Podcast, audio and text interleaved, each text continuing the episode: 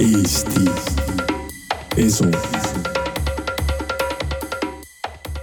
tervist, head kuulajad, alustab äh, Eesti Eso kolmas saade. Äh, mina olen saatejuht Taavet Kase ja külas on mul täna mees, kes teab ufodest nii mõndagi, Igor Volke. tere, Igor! tere! alustame sellest, et äh, äsja oli meil koroonakriis mõnel pool on see siiamaani, nüüd on see natuke maha rahunenud, aga kriisi käigus läks justkui radari alt, läks läbi üks uudis aprillikuus, kus USA valitsus, Pentagon, kinnitas, kinnitas põhimõtteliselt, et ikkagi ufod on meil siin käinud, et kas me oleme siis nüüd täiesti uues ajastus, kus äh, enam seda küsimust ei ole, kas, kas nad on olemas või ei ole, kas nüüd on nagu täiesti uus paradigma, et nüüd me elame ajastus, kus kõik aktsepteerivad seda, et ufod on olemas? no nüüd võiks jah öelda niiviisi, et nüüd me tõesti elame ajastus, kus need, kes on kahelnud või, või skeptitseerunud või, või võtnud mingisuguseid hoiakuid ja, ja apelleerinud sellele, et ei ole autentseid allikaid või viiteid, siis sellega nüüd joon alla tõmmatud, eks ole. et materjal, mida, millest jutt on, on tegelikult kahe tuhande neljanda aasta materjal, suhteliselt vana. ja seal taustal on veel üle neljakümne seitsme videomaterjali, mida pole avalikkusele näidatud, aga aga neist neli tükki on välja tulnud. aga mis toimus siis selle koroonakriisi varjus, oli see, et et eh, USA kaitseministeerium ja sealjuures siis äh, mereväe äh, selline fragment Eh, kes eh, tegeles materjaliga, kust ta pärit on see oli laevastiku lennuväe poolt eh, esitatud materjalid, et siis nemad nagu autentisid selle, et et siit maalt, et need materjalid, mis on, need on nende jaoks UAP, Unidentified Atmospherical Phenomena, nendel on piloteerimisvõimekus ja see, mida piloodid kirjeldavad eri aegadel, eri kohtades, seal oli siis kolm eri piirkonda et see kõik on autentne, vastab tegelikkusele, nii et võiks öelda, et meie keskkonnas liiguvad erilise piloteerimisvõimekusega tundmatud atmosfääri nähtused. nüüd on see siis kindel? kindel. aga jah, see, see USA nii-öelda kinnitus äh, saigi, vähemalt mina kuulsin sellest äh, artikli kaudu, mis aja, avaldati New York Timesis kahe tuhande seitsmeteistkümnendal aastal, kus siis olidki need äh, laevastiku piloodid, äh, andsid enda tunnistusi ja, ja välja anti ka need radarivideod, äh, mida siis nüüd omakorda Pentagon kinnitas, et need on ehtsad. kuigi jah, tegemist on ikkagi palju vanemate, vanemate materjalidega. et põhimõtteliselt jah, see on selles mõttes äh, noh, kes on, kes on natuke jälginud, kui palju on, kui palju on eriti noh, valitsuste tasandil seda teemat eitatud, siis iseenesest on see päris suur äh, samm, et nüüd nagu tunnistati. no ütleme, teadusmaailmale ja siis poliitikutele ja, ja sellisele eh, akadeemilisele, kriitilisemale ja nõudlikumale kuulajale on see, see on ikka niisugune kõll, et rasv tõmmati ja nüüd on valgused ja kellad löövad, sest et et kui sinnamaani räägiti ääriveeri või et noh, et Briti äh, rahvuslik arhiiv hakkas üle võtma Kaitseministeeriumilt äh, kümneid tuhandeid dokumente, ufo uurimismaterjale, mida tegelikult mina mäletan, kunagi olid avaldused, et, et ei tegeleta sellega, et materjale, mida polnud olemas, neid hakati siis üle andma. ja noh, niiviisi on palju, et siin oli kaks aastat tagasi oli niisugune tippaeg, kus kuusteist riiki no nii-öelda lahti salastasid, tõid tsiviilkäibesse materjali, sellepärast et seal on, on juba äh, seitsmekümnendate aastate algus ÜRO tasemel taheti võtta asi üles niiviisi, et liikmesriigid hakkavad informatsiooni koguma, üle andma ÜRO-le, see ei õnnestunud ja siis noh, muidugi tuli jälgida, et no mis see põhjus on. põhjus oli väga lihtne, et suurriikide julgeolek ja võidujooks, kes selle nii-öelda tehnoloogia enne nii-öelda käpa peale saab või jälile saab, et et ja noh, ma oma kogemust mäletan väga ammuseid aegu, kus äh, Nõukogude perioodil ikka käidi ja tegeleti, et seal oli äh, Kaitseministeeriumi ja julgeolekujõud olid ikka tõsiselt huvitatud, nii et see, mis avalikkusele, avalikkus oli puuderdatud väga pikal ja avalikkuse puderdamise mehhanism on väga lihtne. akadeemiline ülemine kiht tuleb informeerida vastavalt, et äh, asju ei ole või asju uuritakse, või siis äh, järgmine aasta, et et on äh, küll, aga see on vale tõlgendused, et need on igasugused kõik õhupallid, Veenus, soogaasid ja muu huina-muina. aga tegelikult asja aeti edasi. ja nüüd seesama, et nüüd kui kaks tuhat seitseteist oli siis see jõulueelne statement, mida New York Times, CNN detsembri artikkel oli just see, seesama, et siis seal televisioonis äh, CBS-is ja, ja Fox Newsis esines ju Pentagoni just selle, selle osakonna esindaja, see oli siis äh, luureohvitser Louis Elizondo, et noh, näha oli, et kogu protsess oli väga kihvtilt ette valmistatud. materjalid ammu teada, sorteeriti, mida näitame, mida mitte, võtame siit need. Ja, ja siis millised helindused, millised pildid, millised kommentaarid, kes läheb, ja siis Elizondo katkestas oma nii-öelda ametisuhte, siis tal oli nagu äh, volitus, eks ole, et muidu ta tooks nagu kuidas öelda, kaitseminister toob välja riikliku siiamaani salastatud materjali, aga siis oli otsus, et toovad selle avalikkuse ette ja, ja nii edasi, et et see protsess algas ilusti, ta jätkub siiamaani, nii et Elizondo tegevust, kellel on viitsimist ja vaeva vaadata, et et tasub jälgida Youtube'is, et Elizondo on teinud eh, paari aasta jooksul väga tihedat tööd. Jah, see, see paradigma muutus või selline, selline nii-öelda, mis siis tipnes nüüd selle tunnistamisega, tundub, et ongi kuidagi seotud eh, sellega, et kes seda juttu räägib, et eh, noh, tihtipeale ikkagi seostatakse ufo teemasid, asju mingisuguste nõdrameelsetega aga, aga noh, nüüd meil tulevad välja, on ju, militaarinimesed, eh, kelle kredibiilsuses ei tasu kahelda, on ju, ja siis eh, noh, nüüd to-, tundub, et on toimunud selline muutus, et nüüd räägivad nii-öelda tõsised inimesed ka ufodest. noh, teeme seda meiegi. jaa. isegi eh, kuskilt ma olen kuulnud, et isegi Gorbatšov juba ammu ütles, et ufod on olemas ja, me peame neid uurima. jaa, just, need materjalid on täiesti vaadeldavad.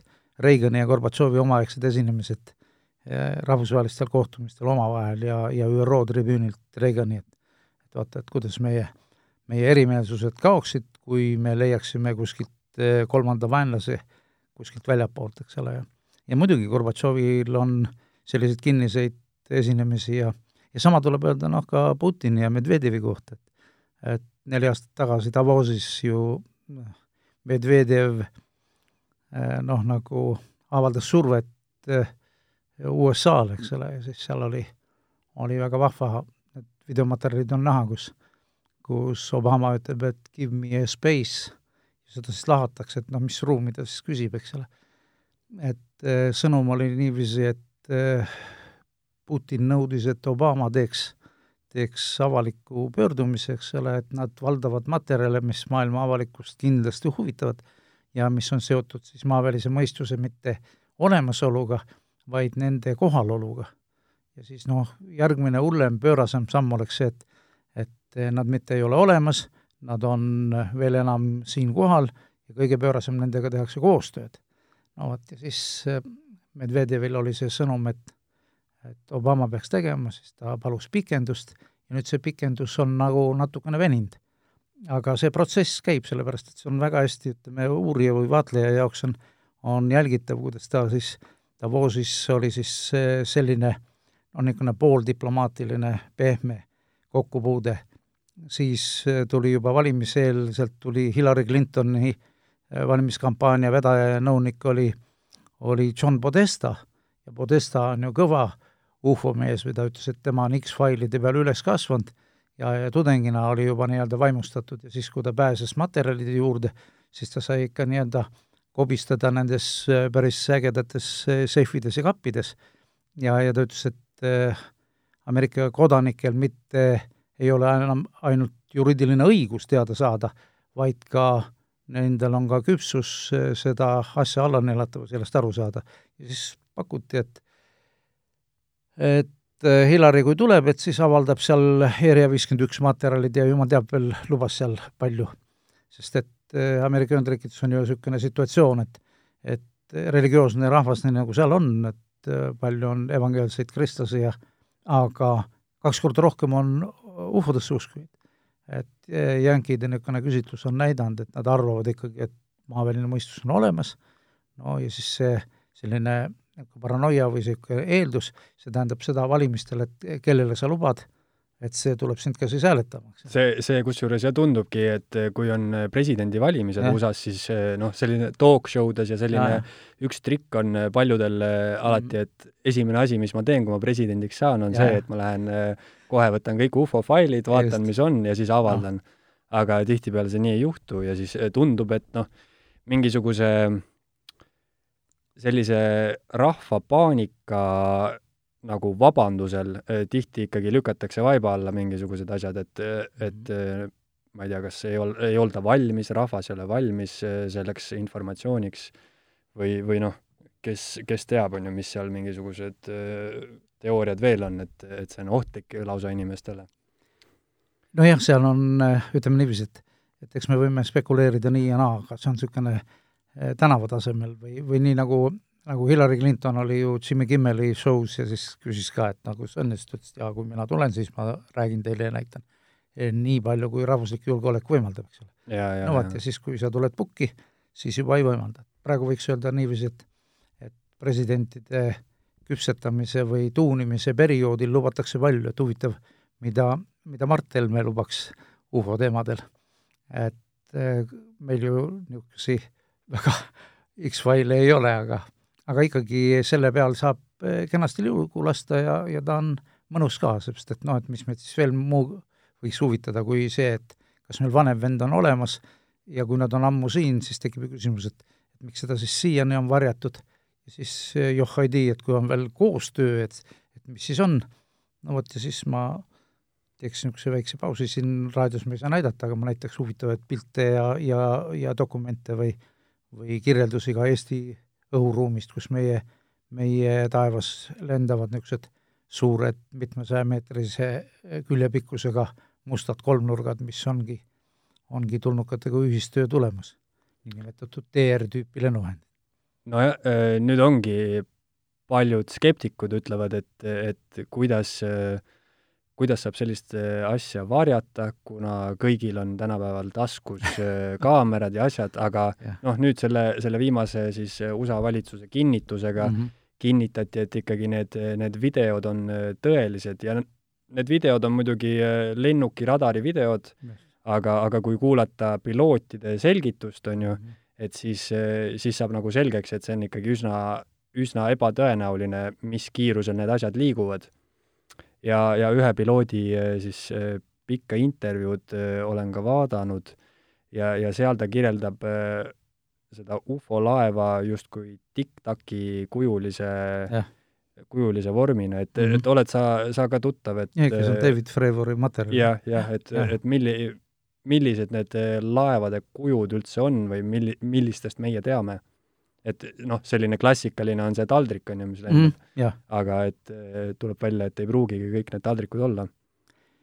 eks ma, olles selle aja, asja fänn, et ma olen kogunud materjali, et ütleme, pika aja jooksul läänes on, on omaaegne eh, kaheksakümnendatel aastatel sakslaste poolt eh, korralik eh, selline noh, nagu kartoteek tehtud maailma eri piirkondades jälgitud suhteliselt usaldusväärsetest allikatest seal on äh, ligi, äh, ligi kaheksakümmend kuni sada eri, eri formatsiooni, eks ole. see, see jah, põhimõtteliselt siis tegelikult tähendabki, et, et uh, ufod on nagu meie, nende masinad ei pruugi olla kõik taldrikud, on ju, et Just. meil on ka on Zaporozhek ja, ja, ja, ja on, on Bugatti ja, ja, ja, ja midagi sellist, et noh, neid, neid liike on ikkagi erinevaid mm. -hmm. ja ütleme siis niiviisi, et Marsilt pärit roheliste vanad sellised eh, maanteemohud ja, ja siis supertsivilisatsioonide niisugused noh, keravälku meenutavad heledad eh, valguskerad või ovaalid.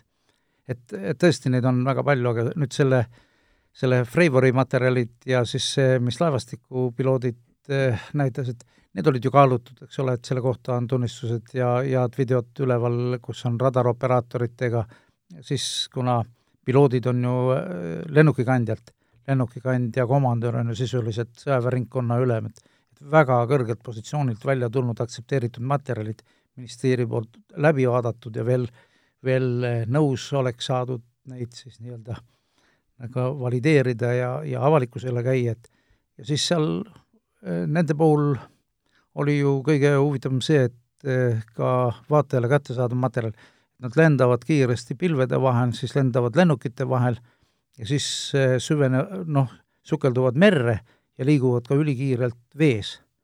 et neil on terve rida järjest loeteldavaid paradoksaalseid võimekusi ja noh, seal noh, ma ütlen skeptikutest kõigepealt niiviisi, et, et kaasajal skeptik olla, et ma soovitan ka kõigil kõige suhtes skeptik olla, ka skeptitsismi suhtes, seepärast et skeptikud tihti jahvatavad ikka vana jahu ja on alainformeeritud. Et natukene tuleks rohkem teha kodutööd ja siis vaadata läbi, mis materjalid on, ja siis võtta noh, ühel või teisel kaldal see positsioon. aga et äh, probleem sõjaväeringkondade ja nüüd siis selle materjalide avaldajate puhul oli see, et et taheti rõhutada, sest et esimene elementaarne küsimus on siivis, et äkki jänkid ei tea, et need on venelaste või hiinlaste, no ja keda siin veel siis, noh, prantslasi võiks tulla kõne alla või, või India, et, et äkki mingi sala super high-tech niisugune, et ja siis on muidugi veel niisugune võimalus, et on erakorporatsioonide võimekus, eks ole. Elon Musk. Musk või Muski eelsed analoogid on olemas ja, ja kõik, ütleme niiviisi, ma tean, kuuekümne kaheksandal aastal, seitsmekümnendal aastal olid Eestis mehed, kes käisid Ameerika Ühendriikides õpp-, õppimas ja siis kelle kõrvu ulatus kuuldus, et et no näiteks Lockheed, Skanks ja äh, teevad mingisuguseid niisuguseid asju, mis on, on üli avangardsed ja ülisalastatud ja sinna-tänna, eks ole. vot tehtigi sel ajal ja siis venelased üritasid taga ajada neid samu võimekusi ja see oli ka siis põhjus, miks siin kaheksakümnendate lõpus, üheksakümnendate alguses tuldi siia Merivälja koukima ja kaevama, et äkki maa sees on mingit materjali või metalli või mida leiaks, et et saaks ka nii-öelda sellel teemal edasi minna. aga siis selle praeguse teema juurde, et, et Trevor ja teised piloodid, seal on terve, no ütleme niiviisi, viis-kuus pilooti, kes on ja kes ja julgelt ütlevad, eks ole, et no seal öeldakse ka, et eh, antropoloogiliselt ja sotsiaalselt, eks ole, et noored mehed võtavad enda peale tõsise riski, öeldes seda, eks ole. aga noh, nüüd võiks öelda nii, et ega seda riski enam ei ole, seepärast kõrgem juhtkond on, on teadlik, et see on nende aktseptiga lükatud liikuma.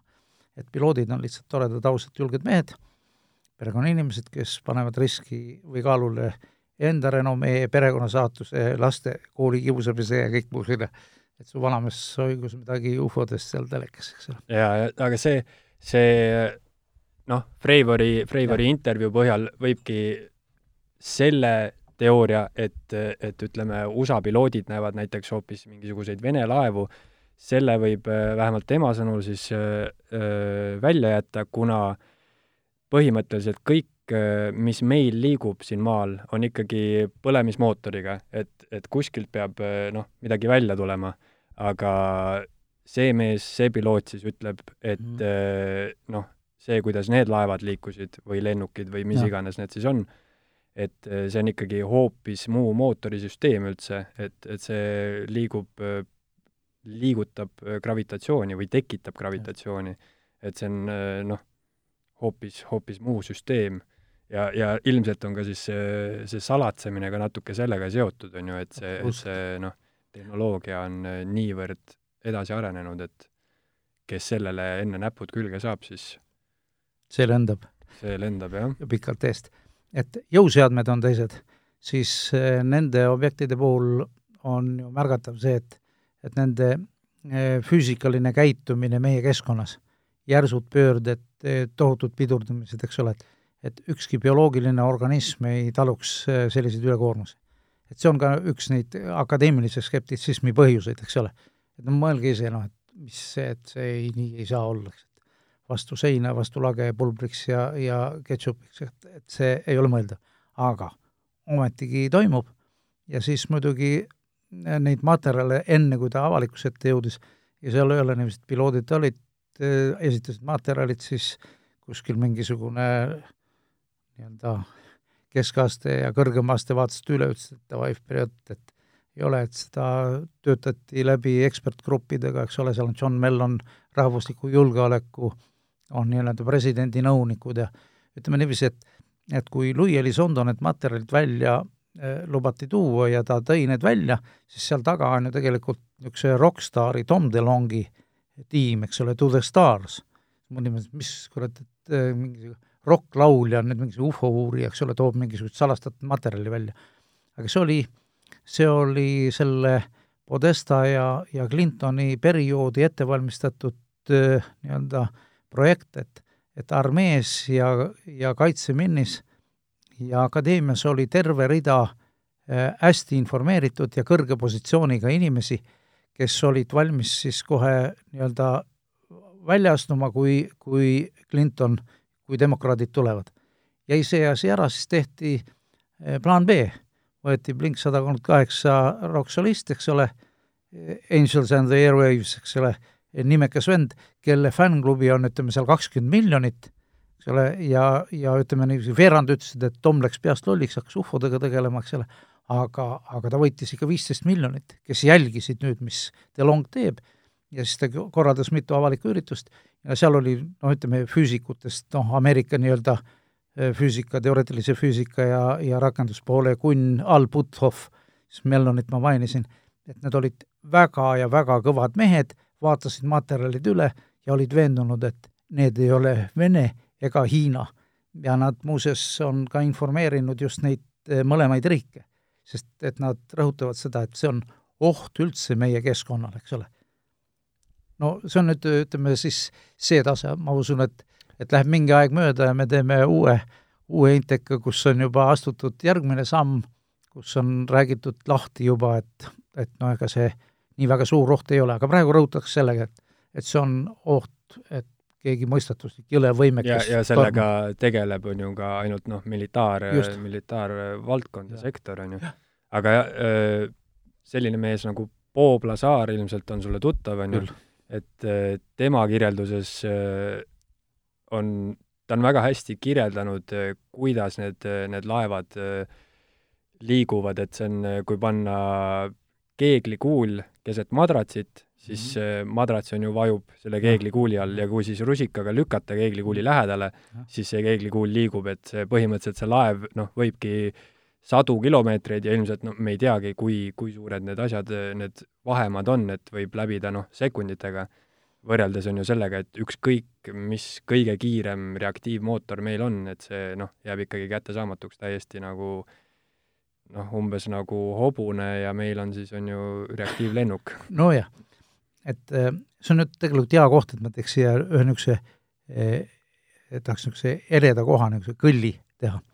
et eh, see probleem, et kuidas nad liiguvad, missugused on nende jõuseadmed, eks ole, et kuidas nad gravitatsiooni ja, ja ülekoormuste eest suudavad kaitsta pilootide äh, organismi ja kas seal üldse on piloodid, on, äkki on ai, et tehisintellekt tuiskab ringi ja see tundub mulle täiesti eraldi teema, et eraldi no praegu on, on ju, kinnitati, et ufolaevad on, aga noh, tulnukad ja. iseenesest, see tundub eh, noh, seda ei tea, sellest on nagu veel vähem teada. lendavad on fakt, aga kes seal sees on? taksod on olemas, Bolti takso näiteks kosmiline, kes pilo-, kes on piloot?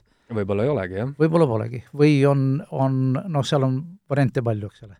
et on autonoomne äh, nii-öelda automaat ja infojuhtimissüsteem, võib-olla on mingi superserver, mis koordineerib kaugelt ja, kaugelt jah. Ja, ja, ja. siis on programmeeritud, et äh, meid on seiratud äh, pikalt, pikal perioodil, kõik on kaardistatud, tehakse programm sisse ja käivad seal, eks ole, et et, et see selleks, aga, aga kõlli koht on see, et, et äh, siin kuu aega tagasi tuli internetiavarustesse äh, nimelt Youtube'i ilmus äh, kena intervjuu niisuguse noore, noore mehega, isegi sinust noorem, kahekümne nelja aastane äh, Deep Prasad.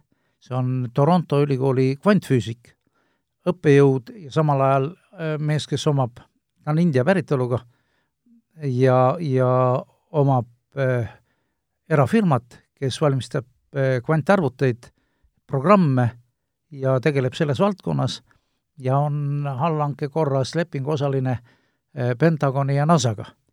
ja noh, kui ma ütlen niiviisi, et, et eh, temaga on nõus olnud poseerima pildi peal, nii nagu me siin ukse ees, ja niisugune mees nagu Michio Kaku, et eh, tuntud füüsikteoreetik, eks ole. et Deep Razad on, on uue põlvkonna lipukandja. et ma tahan, või huviga jälgin ilmselt, ütleme niisugune, niisugune religiooni või kultuuriantropoloogiline fenomen. noor mees ähm,, hea positsiooniga äh,, nii-öelda bright brain, hiilgava ajuga ja järsku teeb teatavaks, et esimesel veebruaril selle aasta algul, kui ta oli saatnud kõik oma meilid, pani laptopi kõrvale ja tema toas ilmusid välja kolm valget kuju, kes hakkasid tihenema ja materialiseerusid ja need olid tulnukad. ta on neid joonistanud ja kirjeldanud seal kogu seda episoodi ja siis annab intervjuu, räägib, et peale seda kohtumist nendega tal oli võimalik neid puudutada. Esimene faas oli tüüpiline, mida psühholoogid ütleksid kohe, et siin on unehalvatus, ta ütles, et sleep paralysis, eh, tunnused olid, et ta oli kangestunud, et ta sai liigutada ainult pead üles-alla, siis kui need ilmusid lähemale, siis see vabadusaste suurenes, paralüüs vähenes, siis lagi läks valgeks, laest tuli, tuli alla mingisugune nende laev ja tal oli võimalus sinna sisse minna. et eh, ma vaatasin seda ja peale seda tegin endale nii-öelda pits konjakit heast meelest, sest et ma tean, kuidas niisuguseid materjali käsitleti. kümme aastat tagasi oleks öeldud, et no kuule, et aitab küll, et vaata, vahetame teemat või, või et poiss on peast segane, eks ole. ta oleks jaa ilmselt enda positsioonid ja asjad kõik kaotanud. no ja siis ta rääkis seal sellest, et tal on ju allhanked ja lepingud ja, ja tema investorid, eks ole. ta ütles, et kurat, et ega ma kuu pealt ei ole, et, et no loomulikult piisab teda kuulata ja näha, siis ta ütles niiviisi, et jah, et investorid eh, teevad ju põhjalikke taustauuringuid ja nüüd, kui ma räägin ja panen Twitterisse üles oma materjalid ja ja Jäbene, ta käis ka ühel ufo konverentsil juba esinemas. no vot, ja siis, siis mis oli tema esinemises, esiteks see sotsiaalne julgus sellega välja tulla. noh, mina tõlgendan seda nagu, nagu kahte moodi. esiteks, ta on väga küps ja võimekas olend. et mees, kellel on raha, see võib Äh, anda tänaval laenu ja, ja nagu äh, kerjusele ka visata, eks ole. et kellel on äh, intellektuaalne potentsiaal ja elukogemus ja, ja võimekus, ta ei pruugi nii väga oma, oma väljaütlemisi häbeneda, ta võib nagu Elon Musk'i endale lubada väga palju, eks ole, sest ta on tegijamees. no vot, ja, ja siis sealt edasi, et, et tema mm, artikkel, mis sellele järgnes, et We are playing on the alien playground. meie oleme anomaalsed, meie mängime tulnukate mänguväljal. sest ta käis nende laevas, ta suhtles nendega, ta ütles, nad on eh, more real than I, eks ole. et mm. veel reaalsemad kui tema ise. ta ütles, et nende mateeria või materiaalsus on kohati noh, suurem kui meie, eks ole, et kui kvantfüüsik seda, seda väidab, siis oleks huvitav Eh, kutsuda kokku kvoorum ja, ja helgemate, teravmeelsemate ajudega Eestis, mis ei ole siit ju mitte päris kadunud, näiteks eh, teha niisugune väike briefing või, või teema, et et mida ta silmas peab selle puhul ja jah, tahaks mõelda, et eh, kui siit mingisugust järeldust nüüd välja imeda, siis äh, kvantfüüsika tasandil just või kvantosakeste tasandil, võib-olla ta mõtles seda siis eh, täiesti sõna-sõnalt, et eh, kui mingisugune inimene, laev, mis iganes objekt eh, liigub läbi aja ja ruumi väga suurtel kiirustel, siis, siis ta peabki olema hästi tihe, et üldse po-, koos püsida. Et noh, kui inimene panna ilma mingisuguse kaitseta, ilma ja, lennukita kaheksasada kilomeetrit tunnis kas või liikuma, siis tal lendavad kõrvad peast.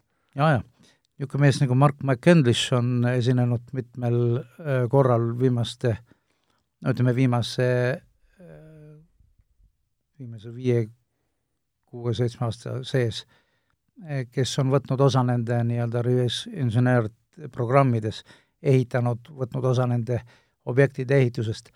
aga sinna ma ei taha, sellepärast et see võtaks isegi nii-öelda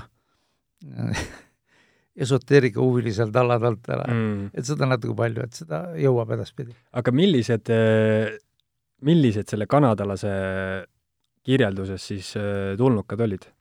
täpselt analoogsed sellega, millega kuu aega enne seda kirjeldas mulle oma kokkupuudet, et viie tulnukaga Eesti keskealine naisterahvas, kes elab, elab Tallinnas.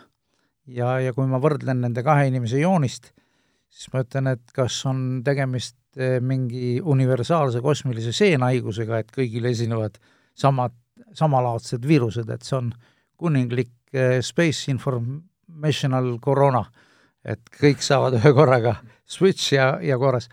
et nad on, on eh, keskmist kasvu, suhteliselt proportsioonidega võrreldes natuke suurema peaga, sõbralikke Eh, suurte silmadega ja need silmaosad on kaetud sageli nii-öelda eh, kilega, et seal taga on päris silm, et et eh, prillid ilma raamideta, ütleme siis niiviisi. ja kuidas nad suhtlevad, kuidas nad räägivad? suhtlemine käis mõtete vahetamise teel mm -hmm. ajust ajusse ja mis on huvitav, ta ütles, et kui talle näidati täiendavat informatsiooni ekraanil, mis no Tiprasat, ütleme siis sellise tehnika ja teadusala inimesena väga detailselt oskas kõiki episoode kirjeldada, mis seal temaga toimus ja et selline pöörlev ekraan, ekraani peal ilmus siis eh, sadu, kui mitte rohkem, tuhandeid mm, hieroglüüfe ja araabia kirjamärke meenutavad märgid, ta ütles, et loomulikult mul ei õnnestunud neid kõiki meelde jätta, küll aga ma mäletan, et seal korduvalt eh, figureeris ladina kolm tähte. Ja siis muidugi intervjueerija küsib, et mis tähendab, need olid, niisugune DNA, eks ole mm., nii et, et seal on, tähendab, visuaalse informatsiooni säilitamise signaal on olemas ja siis informatsiooni eh, nii-öelda eh, linguvavaba või, või kõnevaba vahendamine ajust ajusse, eks tundub, et siis eh, selle, selles osas on tundunud, on toimunud ka nagu muutus, et kes mida räägib et noh, kõige, kõige jaburamad jutud ufodest on vanamutikeste jutud, kes väidavad, et öösel ufod käivad neil külas mm. -hmm. aga, aga et siis nüüd on ju, räägib seda noh, kvantfüüsik. no nüüd võiks öelda, kas sina, Tiip, paned tiipi, eks ole, et mm. enne oled lehmanaistega ühtesse, ühte vagunisse või ühte paati sattunud. ei, see väärib tähelepanu. Kunagi eh, siin, või ütleme niiviisi, et praegu ju jälgitav on Ameerika Histories ja Euroopas ka niisugune projekt nagu äh, projekt äh, Blue Book, niisugune seriaal, seal on nagu tipptegijaks on siis äh, õnnestunult valitud üks USA troonide mängu näitleja, eks ole, kes mängib Alan Hynekit ja Hynek omal ajal, kui ta siis oli selle sõjaväe või Kondoni komisjoni projekt Sinine raamat liige ja teaduskonsultant, ütles, et et paradoks on selles, et eh, kõige usutavamad lood on kõige igavamad ja kõige informatiivsemad ja põnevamad lood on kõige vähem usutavad. see tähendab seda, et mm, -hmm. et noh, ma olen Eesti vaatuste puhul täpselt sama pannud, et inimesed, kes lähevad hommikul vara tööle, no kes on, kes läheb kella kahe-kolme ajal tööle, nelja ajal, lüpsjad, pikamaa autojuhid, tihti meremehed, kes on vahis, ma olen nende käest saanudki see, kes kella kümneni välja magab, ennast korralikult hambad peseb, ära kammib, siis kui ta on kõhu täis söönud, on juba väljas valge ja, ja siis, kui ma seda graafikut vaatan, mismoodi on anomaalsete objektide eh, esinemise või vaatluse saab, siis need, kes peale kümmet tulevad välja, need seda graafiku nii-öelda haripunkti enam ei taba.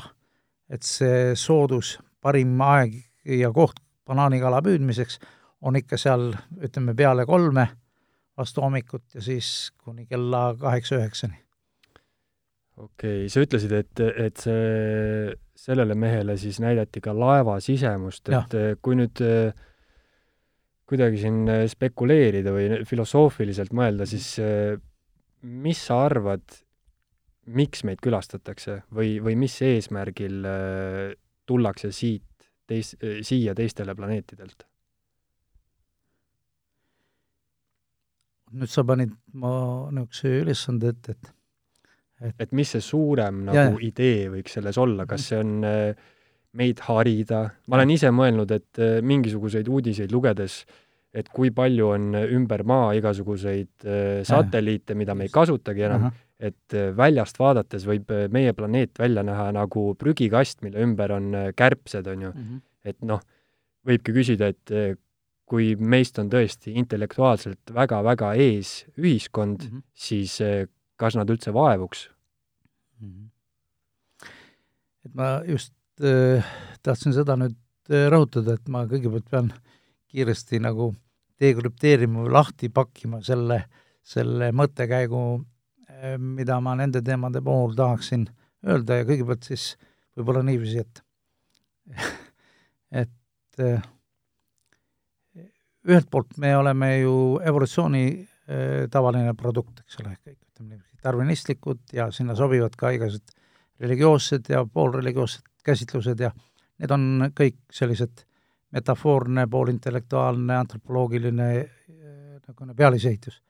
Aga see, mis on planeedil toimunud, eks ole, et kui, kui mateeria tihenes, äh, tahkenes, hakkas nii-öelda geosfäärist eh, kujunes hüdrosfäär, tekkis atmosfäär, tekkis biosfäär ja biosfääri sees on tekkinud siis eh, lihtsamad taimeliigid, kõrgemad taimeliigid ja siis nii-öelda bioloogiliselt juba kõrgemad olendid, eh, edasi primaadid ja primaatidest siis meie.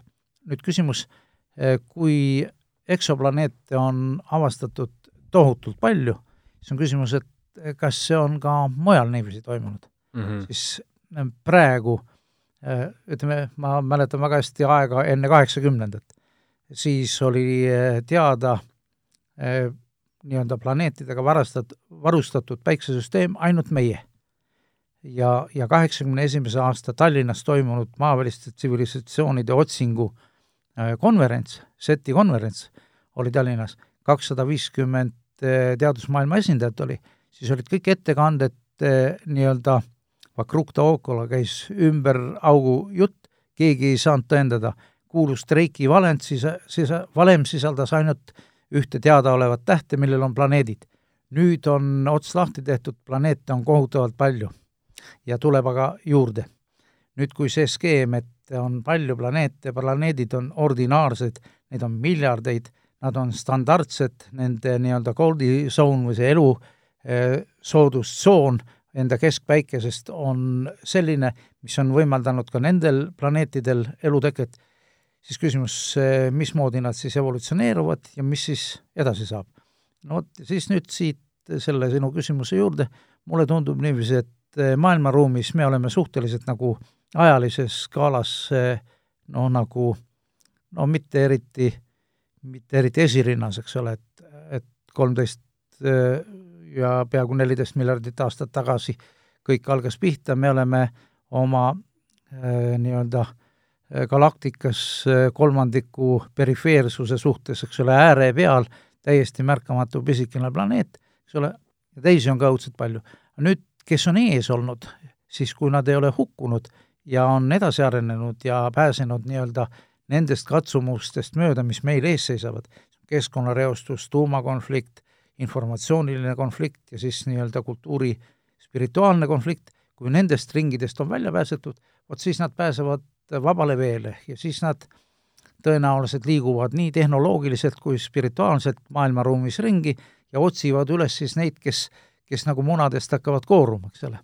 et eh, siis seal tuunitakse, no vot ja siis nüüd see mudel, mida, mis mulle nagu meeldib, et et ajalooallikad viitavad ju ikkagi sellele, et aastasadu ja tuhandeid tagasi on jälgitud tundmatuid lendavaid objekte, see on siis äh, kuningakodades, see on, see on isegi vaaraaegadest, hiljem keskajal on, on Nürnbergi linnapea korraldus äh, kodanikel kaasa minna, kui neid kutsutakse, sest tekkisid seal skandaalid ja ja konfliktid siis tolle aja paradigmaga, eks ole, et mingi, mingi teooria järgi isegi Columbus nägi, nägi jaa, Columbus, mul on need kirjeldused olemas, mis mm. nendel logiraamatus on väljavõtted ja ja, ja nägid mere peal ja no vot nii, et, et meie keskkonnas kogu aeg midagi on, aga nad olid eh, noh, ilmselt sellises lauges seires. ja, ja nüüd, kui me jõudsime tuumarelvani eh, ja rakettvõimekuseni, siis äh, hakkas nii-öelda noh, kuidas öelda, et järgmine vahetus võttis siis täisvarustuse ja öeldi, et nüüd on intensiivne ja siis on nüüd näha ju alates neljakümnendatest aastatest, nelikümmend viis, eriti nelikümmend seitse, eks ole, siis äh, vaatluste arv tohutult kasvab ja mis on spetsiifiline, et vaatluste nii-öelda asukohad on seotud meie kõikide sensitiivsete ja strateegiliste kohtadega. Need on siis sõjaväebaasid, elektrijaamad, ülekandeliinid, veevarukohad ja, ja kõik, kõik sinna juurde kuuluv. et see on kõnekas. et põhimõtteliselt äh, võiks öelda, et nad jälgivad meid, nagu mm. meie jälgime näiteks šimpanse Just. ja, ja uurime ja, ja., ja teeme nendest mm. teaduse ja noh, kõikide käitumismustrite kohta, on ju me oleme ju huvitatud, eks ole, et me toidulauda, et, et me oleks geneetiliselt, praegu on äh, vaidlused üleval, et kas GMO ja kas mm. mitte, eks ole, et et kuidas meil toiduahel saab rikutud või ei saa rikutud, missugused loomad on jätkusuutlikud, me tahame, et osa liike, et nad välja ei sureks ja et see on, siin on juba äh, meie kui vanema venna roll, eks ole. ja nüüd teised vanemad vennad käituvad meie suhtes ja ma võin nüüd Eesti materjali kohta öelda seda, et Eesti keskkonnas on olnud märgata kõik need tegevused, mida võib äh, märgata ka mua, muu, mujal maailmas. et on jälgitud meie, meie mullastikku, meie loomi, meie inimesi, et äh, päris huvitav intensiivne tegevus on. siit mul tekkis küsimus, et äh, kui neid laevu ja lendavaid taldrikuid on igasuguseid erinevaid, siis noh, kui me mõtleme nüüd äh, niimoodi, et äh, me ei ole siin ainukesed äh,, sa ütlesid, et kaheksakümnendatel tuli välja, et tegelikult äh, universum on suurem, kui me arvasime, ja siis ongi noh, üsna loogiline järeldus on, on, on ju arvata, et me ei ole siin ainukesed. No.. siis äh, teine mõte on see, et äh, kas on ka erinevaid ühiskondi, erinevaid arenenud ühiskondi, et äkki meid on külastanud mitmed erinevad liigid või on ainult mingisugune üks arenenud liik? vot eh, siin on see koht, eh, et noh, kui ma ennast pean mingil määralgi selliseks noh, kas eh, antropoloogiks või, või, või no ütleme siis keskkonnaanomaalide uurijaks, siis see on see koht, kus tahaks meeskonda suurendada ja alustada märksa põhjalikumaid uuringuid, sest et, et on ju probleem, räägitakse äh, ulmeliselt suurest numbrist, kaheksakümmend kuus tulnukaliiki, kuuskümmend neli tulnukaliiki, seal ma muidugi kuulan, panen endale skeptiku kõrvad pähe ja mul hakkavad kõrvad endalgi valutama, et et noh, kust see võetakse. aga, aga on muidugi registrid, kus on registreeritud, võetud ja, ja kirjeldusi arvestatud, joonistatud, modelleeritud, et äh, räägitakse reptiilidest, suurtest tallidest, väikestest tallidest, rohekatest äh,, Eh, insektoididest sinna-tänna.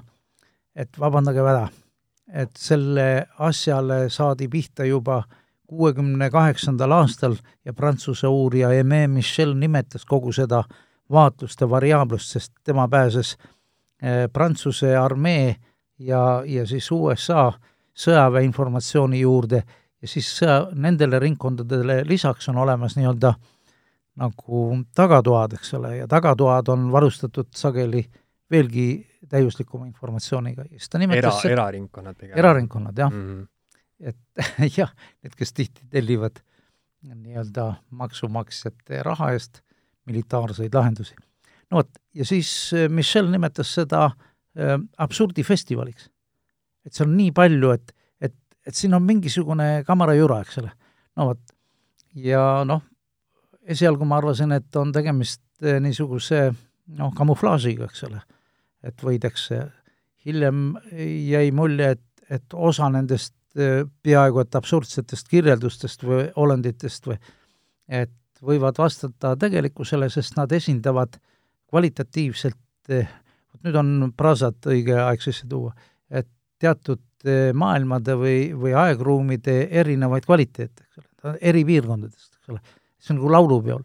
mul oli seitsmekümne viiendal aastal üks India külaline oli siin ja siis vaatas, kui palju erinevaid lau-, rahvariideid oli laulupeol inimestel seljas. küsis, kas teil igal perekonnal on oma rahvariided või? ütles, et ei, et meil on üks piirkonnad, et vot see näitab, kui identiteedid on välja viimistletud, eks ole. et eh, vot selline, see rahvariie, mida need eh, kannavad, kelle päritolu ja, ja olemust me täpselt ei tea, tundub ka üsna niiviisi variaabel ja, ja väga mitmekesine. aga siinjuures väärib tähelepanu üks Ameerika kauaaegne eh, sõjaväeluure nüüd erus olev äh, äh, härrasmees, kes mainis, et, et nende puhul ei ole tegemist niivõrd erinevate rasside või tsivilisatsioonidega, kuivõrd erinevate mudelitega mm. -hmm. eks ole, et see väärib tähelepanu. huvitav, et eh, noh, eh, kui me räägime sellest, et eh, ka meie käes, ma ei tea, USA valitsuse käes alas viiskümmend üks on mingisugused ufolaevad kätte saadud, nad on kas alla kukkunud või, või kes iga, ei tea, on ju, kuidas ja. neid uuritakse, on ju, et huvitav, kas see võib olla niimoodi, et ütleme, kui võtta ajaliselt lineaarses mõttes, kui meie oleme seal tagaotsas, ufod, kes meid külastavad, on meist tükk maad ees, aga siis võib-olla need, kelle laevad me oleme kätte saanud, nad on kuskil seal vahepeal, nad ei ole veel nii arenenud, et nad on väiksed vead teinud, nad on ikkagi matsu pannud siia maale, nende laevad on kätte saadud, on ju, et noh, võib-olla mingisugused liigid, kes on rohkem ees, mhm. noh, neid me võib-olla ei näegi. jah, siin võiks teha niisuguse kiire nagu shortcut'i või niisuguse lahenduseks, et et mulle meeldib see idee, et noh, autoriteetidele nüüd kõigepealt Carl Sagan, Ameerika astrofüüsik, väga nimekas, teine avalikkusele noh, varem hästi tuntud oli Artur C. Clarke, eks ole, kes eh, rõhutasid ühte sama mõtet, et kui on ekstraordinaarsed või paradoksaalsed probleemid või situatsioonid, siis neid tuleb eh, uurida ka väga ekstraordinaarsete ja paradoksaalsete meetoditega teistmoodi, eks ole. siin me peame kõrvale panema ajutised oma tavalise skeptitsismi, oma eh, tavalise uskumuse, oma kiriklikud ja muud akadeemilised dogmad, vaid minema nii-öelda asja huvides rünnakule ja edasi.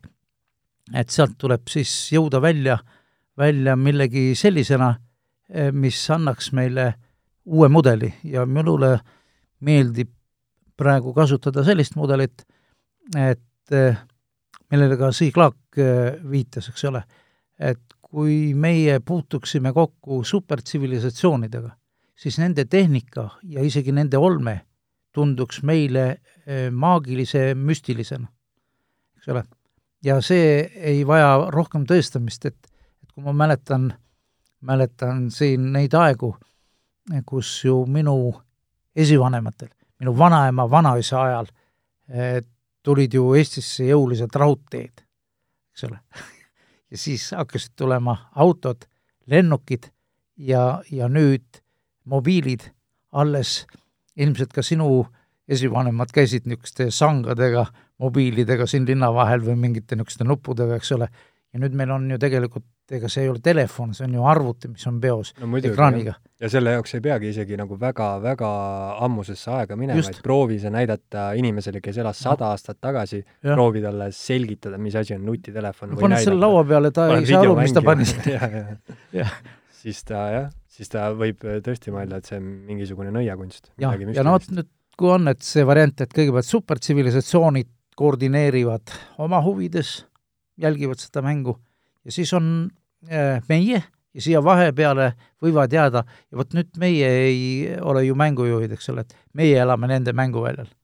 on Alien Playground, Playground on see, et et nad võivad tuunida ja, ja jälgida meie arengut sellisel moel, noh näiteks kui jutt oli, oli Roswellist, eks ole, ma tean, Nõukogude Liidus oli umbes samal ajal, neljakümne kaheksandal aastal, oli Arhangelski lähedal, said venelased kätte.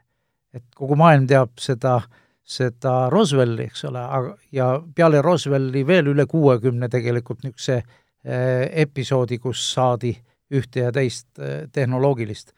kuulajatele siis öeldes, kuulajatele selgitades, et eh, Roswell on siis ala, kust saadi ufolaevu, on ju? kust leiti matsu pannud ufolaevu. matsu pannu ufolaev mm., jah, ja vot siis tekkis küsimus, et noh, et et kuidas on, et noh, et kõik, mis on tehniline et see, see on nagu ikka puudulik, et, ju siis mingi kardaani rist vedas alt või, või mis seal oli või, või, või kütuse dosaator ei, ei olnud tasemel ja aga kui ise niisugust mängu mängida ja kujutada ette, et siis, siis teatud ajal andes mingisugusele arengule suuna või kiirenduse, siis viskad ju niisuguse alama astme olenditele, et natukene neid tuunida, eks ole. Viskad ette ja seal nad saavad kätte ja, ja kui nüüd olla natuke korrektsem, siis seal oli ju nii, seal oli kaks laeva Roswellis mm -hmm. ja, või noh, kaks eri kohta, laevu oli natukene rohkem. laevu oli kolm, kaks kohta, oli koroona ja, ja Roswelli lähedal ja, ja piloodid. Paar tükki saadi elusalt, viidi Los Alamosesse, tuumauurimiskeskus. seal oli ikka ju üle kahesaja niisuguse tipp, seal toimus siis nii-öelda, sest ega sõjaväelasel pole sellise intellektiga kuigi palju peale hakata, eks ole, et kükki püsti jäänud, aga seal oli informatsioonivahetus ja päris huvitavad tulemused. Ja, ja surnukehad, mis saadi, nende äh, analüüs näitas, et tegemist ei olnud tavalises mõttes bioloogiliste olenditega, vaid oli tegemist, ütleme, selliste olenditega, mille suunas me nüüd kohe homme jõuame. me jõuame ise homme, noh, ülehomme isegi mitte.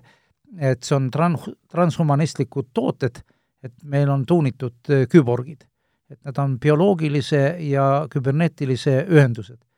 Need piloodid olid äh, autonoomse liikumise, tegemise ja mõtlemise võimekusega, nad piloteerisid selliseid äh, skautlaevu ja üks nendest, paar tükki nendest anti meie kätte ja Venemaal täpselt samamoodi. venelastel õnnestus see salastada väga pikalt, tuli välja ka Pustinjaris paar aastat hiljem nagu avalikuks, aga, aga Arhangelski oma, oma oli venelastel peaaegu et samal ajal, üks oli nelikümmend seitse, Arhangelsk nelikümmend kaheksa, aasta see oli. tähendab, keegi andis nagu, nagu sinu õuele mingisuguse viguri ja minu õuele viguri ja siis me saime hakata niiviisi, salastati muidugi, jälgiti teineteist ja ja niiviisi tänase päevani vahetatakse informatsiooni muidugi nendel teemadel, sest et praegu ollakse paljudes küsimustes, mis puudutab nüüd maaväliseid ja, ja seda koostööd, ollakse suurriikide poolt üsna üksmeelel. Kui äh, mõelda nende tulnukate välimusele, siis kas sa usud, et äh, need oleme justkui meie tulevikus, kui mõelda suurte silmade peale, suure pea peale, väiksema keha peale, kõik justkui läheks selles suunas mm. -hmm. ja noh, ma ei tea, kas äh, võib-olla kaovad meil sellised asjad nagu ninad, suud, üldse ära, suguelundid. noh, et Need kipuvad juba praegu kaduma aga kas sa arvad, et see on mingisugune meie tulevik, et põhimõtteliselt me ufod või tulnukad mm -hmm. on justkui meie tulevikust külastamas meid minevikust? targemad mehed on öelnud, et, et eh, nende projektsioone sisestatakse meie eh, kultuuriruumi, hoiatamaks meid nende ohtude eest, mis meid võivad meid võivad ähvardada. et nende, nende, sa usud, et nende mingisugune eesmärk, üks eesmärk, nagu ja. me rääkisime, on uurida, analüüsida, aga mingisugune eesmärk on ikkagi anda mingisugust informatsiooni edasi, harida? Nojah, ütleme niiviisi, et, et ma äh, kunagi mõtlesin seda, et kui nad uuriks, siis ma vaatasin kolmkümmend aastat tagasi uurisid nelikümmend aastat tagasi uurisid, mõtlesin, küll peavad ikka põmm pead olema, et ikka ei saa uuritud, et mis seal siis juba ka uurida, et isegi me oleme aru, hakanud aru saama, kus, mis ja, ja DNA mm -hmm. koodid ja hakanud lahti võtma. aga siis ilmnes see, et, et tegelikult on tegemist süstemaatilise huvitava seirega ja siin on mõningad niisugused didaktilised või niisugused pedagoogilised kohad, mida ma ei taha väga rõhutada, sest kui see läheb nii-öelda ringlusesse, siis see teeb eh, rahva muretuks. aga mulle paanika. meeldis jah, paanika. paanika või noh, ütleme niiviisi, ei, vaata, paanika on üks asi, see paanikaperiood on, sest et ähm, Hollywood ja sellest tulenev äh, meedia ja nüüd see multimeediaalsus ja, ja kõik, äh, me oleme nii palju näinud, kuulnud, et kuidas öelda, et meid on juba raske millegagi väga üllatada. Et, et see on üks asi, aga teine asi on see, et, et kui tsivilisatsiooni vedru maha ei käiks, et meie põnevuse hasart ära ei kaoks, selle tõttu tuleb siis et see on täiesti niisugune nagu väikeste laste kasvatamine, eks ole, et piitsa ja präänikuga, hirmu ja, ja armastusega, silitades, meelitades, kõditades ja, ja, ja nuuti näidates, et äh, orienteerida meid kuskile. samas jah, kui mõelda selle suure venna võrdluse peale, et siis justkui noh, kui me oleme kogu aeg jälgimise all mm, -hmm. väidetavalt oleme. no ei, see on niisugune spekulatiivne, ma ütlen, minu väide aga siis, siis näiteks kas ma mõtlen liiga inimlikult, liiga inimese loogika järgi, aga näiteks kui saadi teada, et meil on nüüd tuumavõimekus, meil on põhimõtteliselt vahendid olemas, et kogu planeet, see kivi siin õhku lasta mm, -hmm. et äh, miks siis ei tule tulnukad ja lihtsalt neil on kindlasti ka võimekus olemas, lihtsalt äh, ära ei võeta meil käest seda no ütleme, kujutame ette, kui on väga küpse ja võimeka tsivilisatsiooniga, siis eks ta ei sega ju, ei sega vahele ju mitte põllul ega, ega Martin Ahju juures või Trei Pingi juures, eks ole, ta ju inseneri, konstruktori peas juba võiks segada, eks ole, filosoofi peas. ajab meil nii-öelda eh, ventilaatori, paneb õigel ajal tööle ja puhub eh, need mõtted ära ja tuumamõtted minema ja mingid muud, eks ole mm. -hmm. ei, siin tundub Eh, vabadusaste ja nende niisugune tuunimise meisterlikkus olema ikka nagu üllatav. Ja seda ma mõtlesingi, et võib-olla ma mõtlen eh, kuidagi liiga inimlikult, et lihtsalt astutakse julmalt meie, vahele. meie mõtleme niiviisi. me ju teeme ka loomadega igasuguseid eksperimente ja siis vahel näeme, et natuke liiga, et et eh, süstal on liiga pikk või, või kogused on liiga suured või, no või vales suunas. valitsuse ja. tasandil me lihtsalt Just. keelame asjad. jah, kohe keelame. jah, jah no näiteks, et hoiatus tulevikust, et noh, et kuidas me oleme, et äkki muutumegi küborgiteks, eks ole, et kõik oleme niisugused eh, pruunikas-lillad karud, mõmmid, eks ole, et ühed, nemad on rohelised, me oleme pruunid, ei ole mehi, ei ole naisi ja, ja kõik, kes niiviisi Aivar Mäed teevad, need saavad eh, nii-öelda hukka mõistetud ja, ja tuunitud nii kaua, kui, kui muutuvad siis äh, mitte rassistlikeks ja, ja korrektseteks, eks ole aga ja. küsimus, kas me võidame sellega või kaotame, eks ole. et see, mis meil on evolutsiooni või ütleme, kreaatori, eh, mulle meeldib ikkagi eh, looja idee kõige selle juures, sest et et, eh, et algupäraselt üks kuidas öelda, Kivimäe kooli ja, ja hiljem kahekümne esimese kooli materjalistina, sellest on minust kujunenud ikka märksa, märksa keerulisem mõtleja ja mulle meeldivad ikkagi informatsioonilised, intellektuaalsed ja äh, ja, ja superolendite ja jumala idee.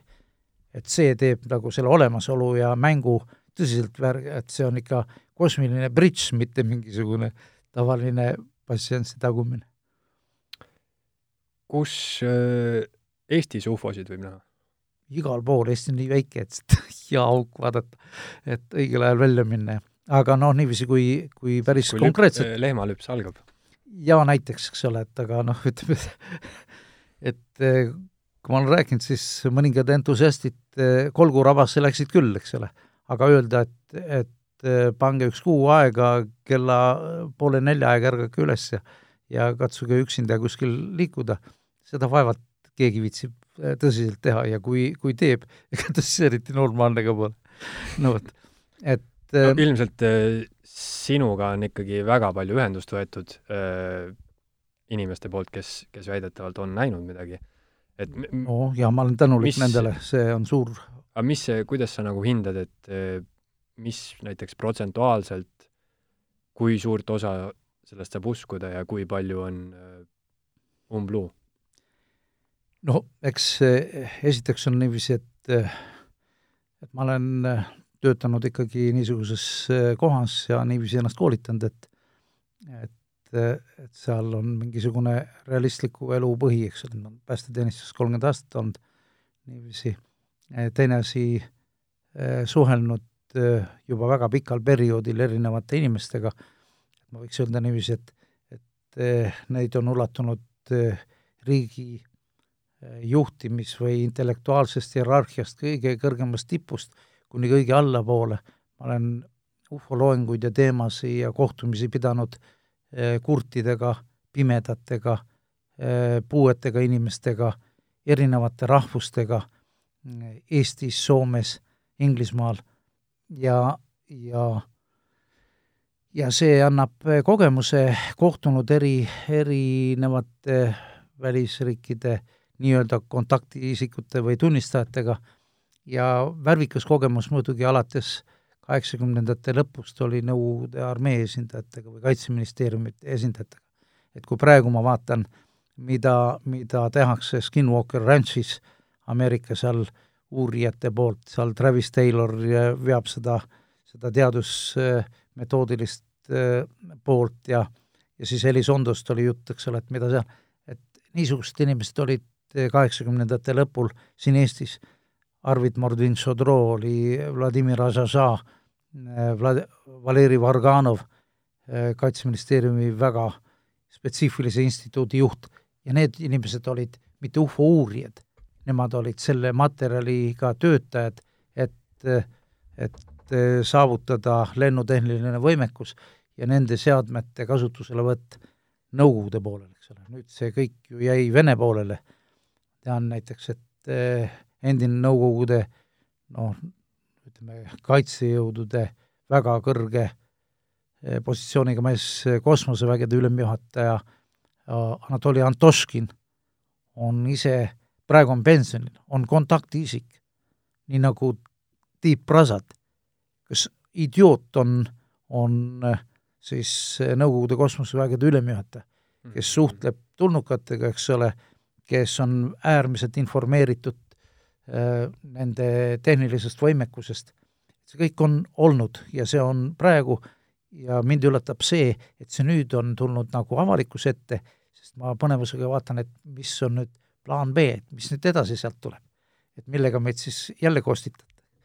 et me jõuame selle pilli alla neelata, et ahaa, et nad on siin ja seal lendavad ja nüüd, kui hakkab sealt edasi tulema, siis tekib ju meil kõigil küsimus, et kurat, et kus me siiamaani oleme olnud, kuidas meie juhid on suutnud elada, eks ole, et, et äh, seitsekümmend aastat pole avalikustatud.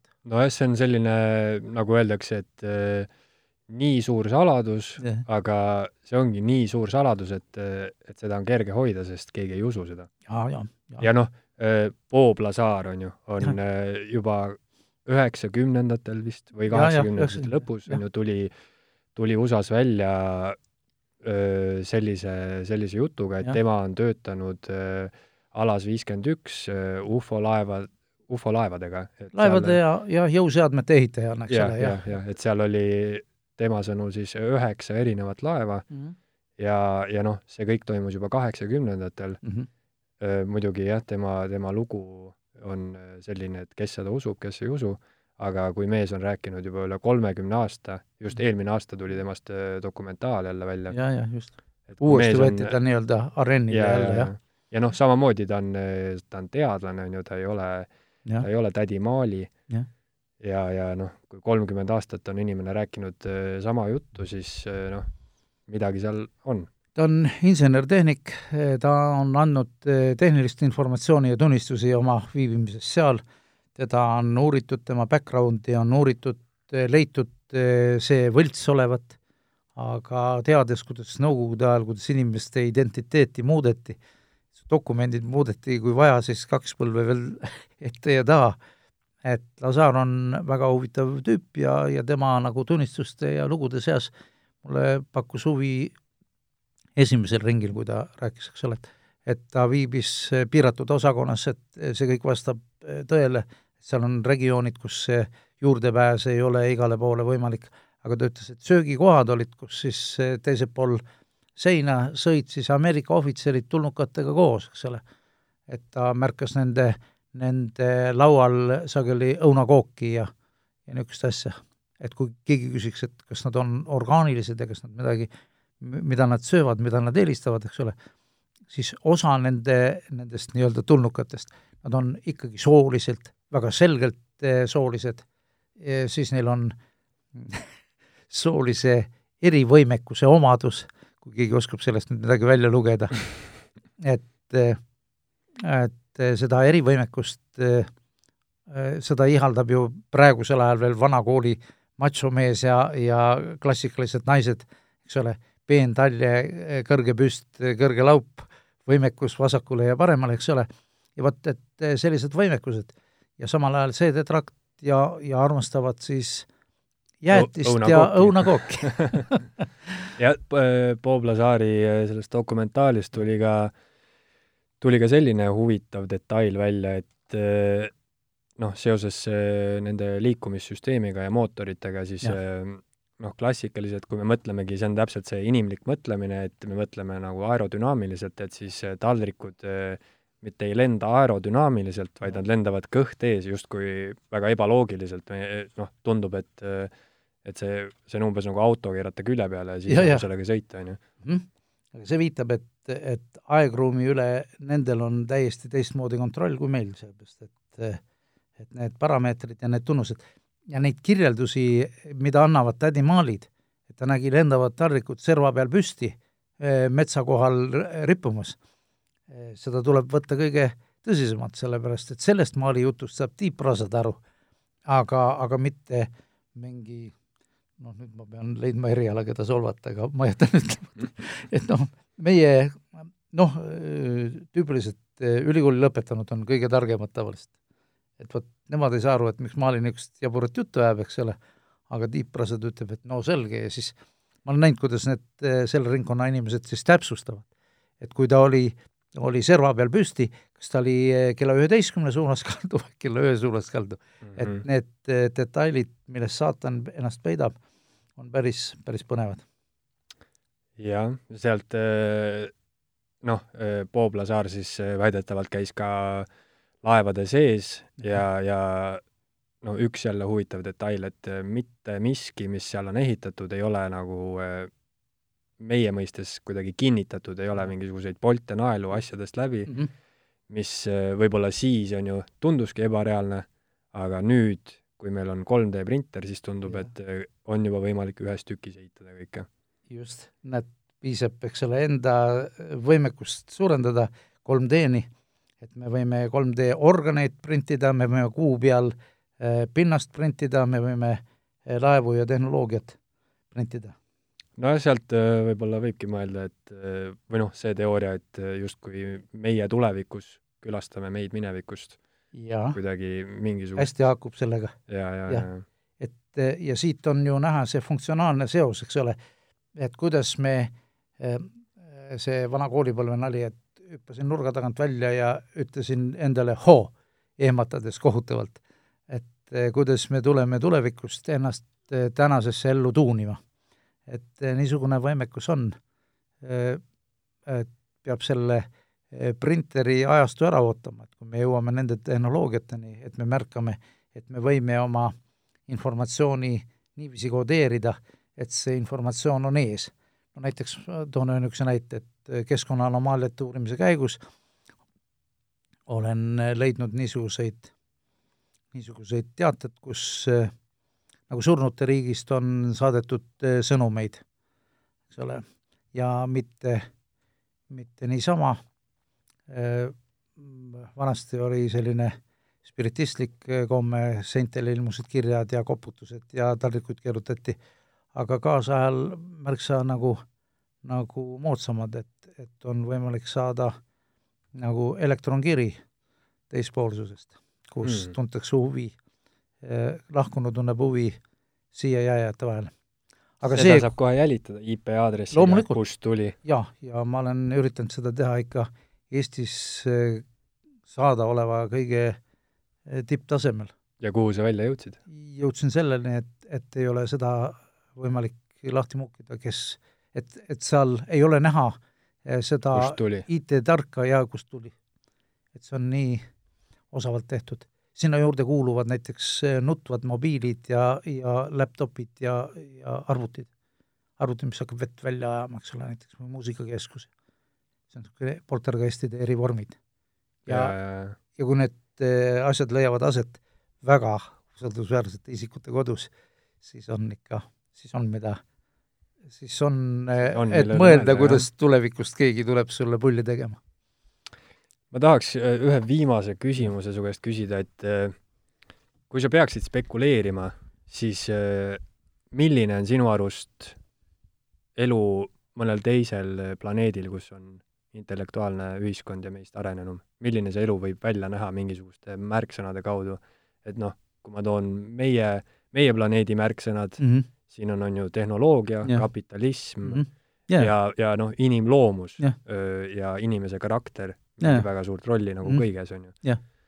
aga, ja noh, maavarad ja kõik selline yeah. see, mida me tunneme, mm. -hmm. aga et mis võiksid need märksõnad olla või, või milline see, milline see elu võiks välja näha? võiks välja näha, no see on, mulle meeldib see küsimus, sellepärast et ma näen selles teatud eh, varjatud kavalust, aga samal ajal peidetud tarkust, sellepärast et võiks ju küsida niiviisi, et selles, et kuhu või mida me peaksime arvestama, kui edasi liikuda, eks ole. Yeah.. et, et mida need tulnukad peaksid näitama meile, mis suunas, eks ole, et kas Eesti NSV, Eesti Vabariik, siis Kolmas Reich või, või Puna-Hiina või midagi muud, eks ole.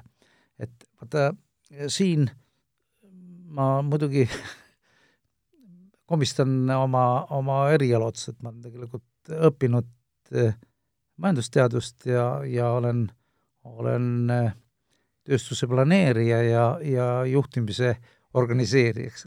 sa tahad öelda, et kapitalism ei ole kuhugi kadunud ka ufode maailmas? ei, ma ei taha seda öelda, ma tahan öelda seda, et eh, sünteetiline ja integreeritud lähenemine, globaalprobleemistiku fikseerimine kaheksakümnendatel aastatel Rooma klubi poolt oli inspireeritud ja toetatud väljapoolt. ja nüüd sedasama küsimust, mida sina esitad, eh, selle vaatas üle eh, viis aastat tagasi Briti Teaduste Akadeemia ehk Royal Society president eh, Sir Martin Rees ja kirjutas selleteemalise raamatu, mis on must ja hõbeda kirjaga. ta on mul olemas ja ma tema sügavalt professionaalset pessimismi ositi jagan ja mõistan, et tal puudub see väljavaade, mis avanes mul Nõukogude Eestis õppides. et ma sain tutvuda marksismi põhialustega ja vaatan, kuidas need hästi fitivad tulnukate mambo-jamboga mm, -hmm. sest et jääb mulje, et no esiteks, globaalse ellujäämise huvides on vaja koordineeritud Eh, juhtimine ja kooskõlastatud areng. seda saab teha ainult siis, mitte nõukogudeaegse Felix arvutiga või primitiivse Minsk kahekümne kahega, vaid see vajab eh, korralikku infotehnoloogilist baasi ja arvutivõrku, korralikku funktsioneerivat tehnoloogiat, piisavat energiat. energiaressursside nimel tuleb eh, võtta kasutusele kõige kaasaegsemad ja kõige paremad energiat. kui me ei saa nii-öelda vesiniku või zero point energy kallale, siis meil tuleb mõelda äh, hästi kontrollitud tuumaenergeetikale, mida ma isegi nüüd märkasin EKRE juhi poolt äh, kõlli. ja, ja edasi, sotsiaalne probleem on ju see, et, et kui me näeme aastakümneid kõikidel tippkohtumistel ikka jauratakse, et tuleb vahet, vähendada lõhe vaesuse ja rikkuse vahel, no kuidas, kui ta kogu aeg järjest suuremaks läinud. See tähendab seda, et, et eh, sotsiaalmajanduslikud kaanonid tuleb üle vaadata, eh, tootmise korraldamine peab olema masintehnoloogiline, robotid toodavad, inimtööjõudu niivõrd, kuivõrd on vaja, vaat et isegi uued kategooriad nagu meelelahutuslik osavõtt ühiskondlikust tööjaotusest, eks ole, ja kui meil on tootmisbaas niiviisi korraldatud, et me tarbimisprodukti saame kätte, siis on ainult jaotusküsimus. ja jaotusküsimus peab olema niiviisi, et, et ei ole ju mõtet eh, eh, noh, koormata või kuhjata eh, indiviidile või nende grupile kohutavalt palju ja teistele vähe. sest et see, mis on rikkuse ja vaesuse konflikt seal kaks protsenti, üheksakümmend kaheksa protsenti, see ei tähenda ju midagi muud. raha on, on energeetik ja, energeetiline ressurss, ta on investeerimine, kapital on kui potentsiaal ja kui seda rakendada, siis võib teha imesi. ja selles mõttes vastutustundlik juhtimine jaotab eh, kapitali võrdselt ühistes huvides, nii et seal on, selle peale võiks küsida, et oled kommunist või? Ma ütlesin, et ei, et pigem tulnukas. mis, kas need on siis kommunistid või? ma ütlesin, et nemad valivad kõige parema ja ratsionaalsema eh, evolutsiooni tee, eks ole. tulnukad on kommunistid? no sama süüdistati ju Kristust kunagi, et et käis, oli proletaarse päritoluga punase mantliga ja ja õpetas äh, võrdsust ja, ja, ja nahutas seal äh, ülikonda ja kõrgemaid sotsiaalseid mm. kindeid ülempreestrist alates kuni kuningateni välja. No põhimõtteliselt jah, siis äh, võiks nagu ette kujutada, et kõik need märksõnad, mis sa ütlesid, tulnukate planeedil tuleb lihtsalt korrutada need miljoniga meie mõistes, et tehnoloogia, fossiilkütused on täiesti iganenud, iganenud asi ja mingisugune käetöö Jah. on, on ju ka suht iganenud, eriti kui No. arvestades on ju nende, nende sellist välimust, väiksed kehad, suured pead, noh, et äh, riike seal ei ole, rasse. Eh, see on eh, tulevaste kohtumiste teema, et ma olen kogunud ka või kohtunud inimestega, kes on nagu nii-öelda kontaktis olnud, rääkinud, mismoodi seal on, kus nad on käinud, eks ole, ma ei tea, kus nad on käinud, aga see on omaette, väärib, aga see väärib ja vajab tegelikult eh, sellise uue põlvkonna antropoloogi ja folkloristi täiesti teist kvaliteeti ja, ja sügavamat nii-öelda tööd, et lahti võtta detailide kaupa, mida see informatsioon meile tahab öelda, miks ta niiviisi on, kas ta vastab tegelikkusele ja, ja kui vastab, siis kuidas seda realiseerida meie nii-öelda tuleviku huvides. tahaks ikka füüsiliselt sinna kohale minna, kuidagi. kui füüsilisel nüüd jälle tiipi tõmmata ja kasutada Prasadi väidet, eks ole, et eh, selline, sa tahad reaalselt sinna kohale minna, siis kui meil on eh, reaalsuse võimekus muuta enda realiteeti, eks ole, siis me oleme veelgi reaalsemalt seal kohal. et eh, ähm, eh, füüsiline on ainult täna, et, et kui sul on eh, seal galaktika teises servas sõber, kellega sa oled ammu kosmilise Facebooki kaudu ühenduses, annad talle teada, et sa tahad äh, olla sel, sel kosmilisel kuupäeval, sel kellaajal seal, külla tulla, siis siin astud oma koju külmikust väiksemasse annihilaatorisse, mis hakkab sind nii-öelda ümber äh, transformeerima käest alates, paned käe sisse ja läheb edasi, siis võetakse elementaarosakeste paketist kood välja, ainet pole vaja üldse transportida, saadetakse informatsiooniline kood sinna ja juba sõbral hakkab printer lööma ja, ja prindib su välja ja prindib su välja ja ja, ja kui su realiteeditaju on sama või veel parem, no siis on, ütleme, anna kannatust. üks hea erootiline või, või gastronoomiline une- unenägu võib olla toitvam ja parevam kui üks eh, kesine õuna kolm, lõuna kolmanda astme kohalikus söögikohas. ja siis ei tea, kas üldse sealt tagasi tuleks. no just, et valik on meie, et siin on nagu palju teada, teateid inimeste eh, sellistest valikutest ja kadumistest ja minekutest ja aga need on kõik omaette teemad ja vajavad väga, järjepidevus ja eh, konkreetsus, adekvaatsus on, on põhinõue kõikide informatsioonide juhul. et räägitakse ju praegu on kõik kohad kilisevad ja räägitakse midagi, aga see, kuidas doseerida, eks ole, millal Pentagon annab välja, millal Freivor räägib, millal räägib õiget juttu ja, ja kuidas sellega ümber käia, et selleks on ja omada tutvusi, sõpru, kes oskavad öelda, loe seda raamatut, kuula seda informatsiooni, see on jama, seda ära võta, seda võta. kuulake tiipi või jah, no see on jah, üleüldine tänapäeva märksõna, et see infomürast leida, leida miski, millel on ka nagu tõepõhi all. kui vanasti küsiti, et mis on kunst või mis on kultuur, siis praegu võiks öelda, et kultuur ja kunst on leida mürast õige adekvaatne signaal. toitev ja rõõmustav. vot, selle mõttega võikski lõpetada. aga aitäh, Igor, et, et tulid külla ja kuulajatele jälle kuulmiseni. no kohtumist. Eesti Esu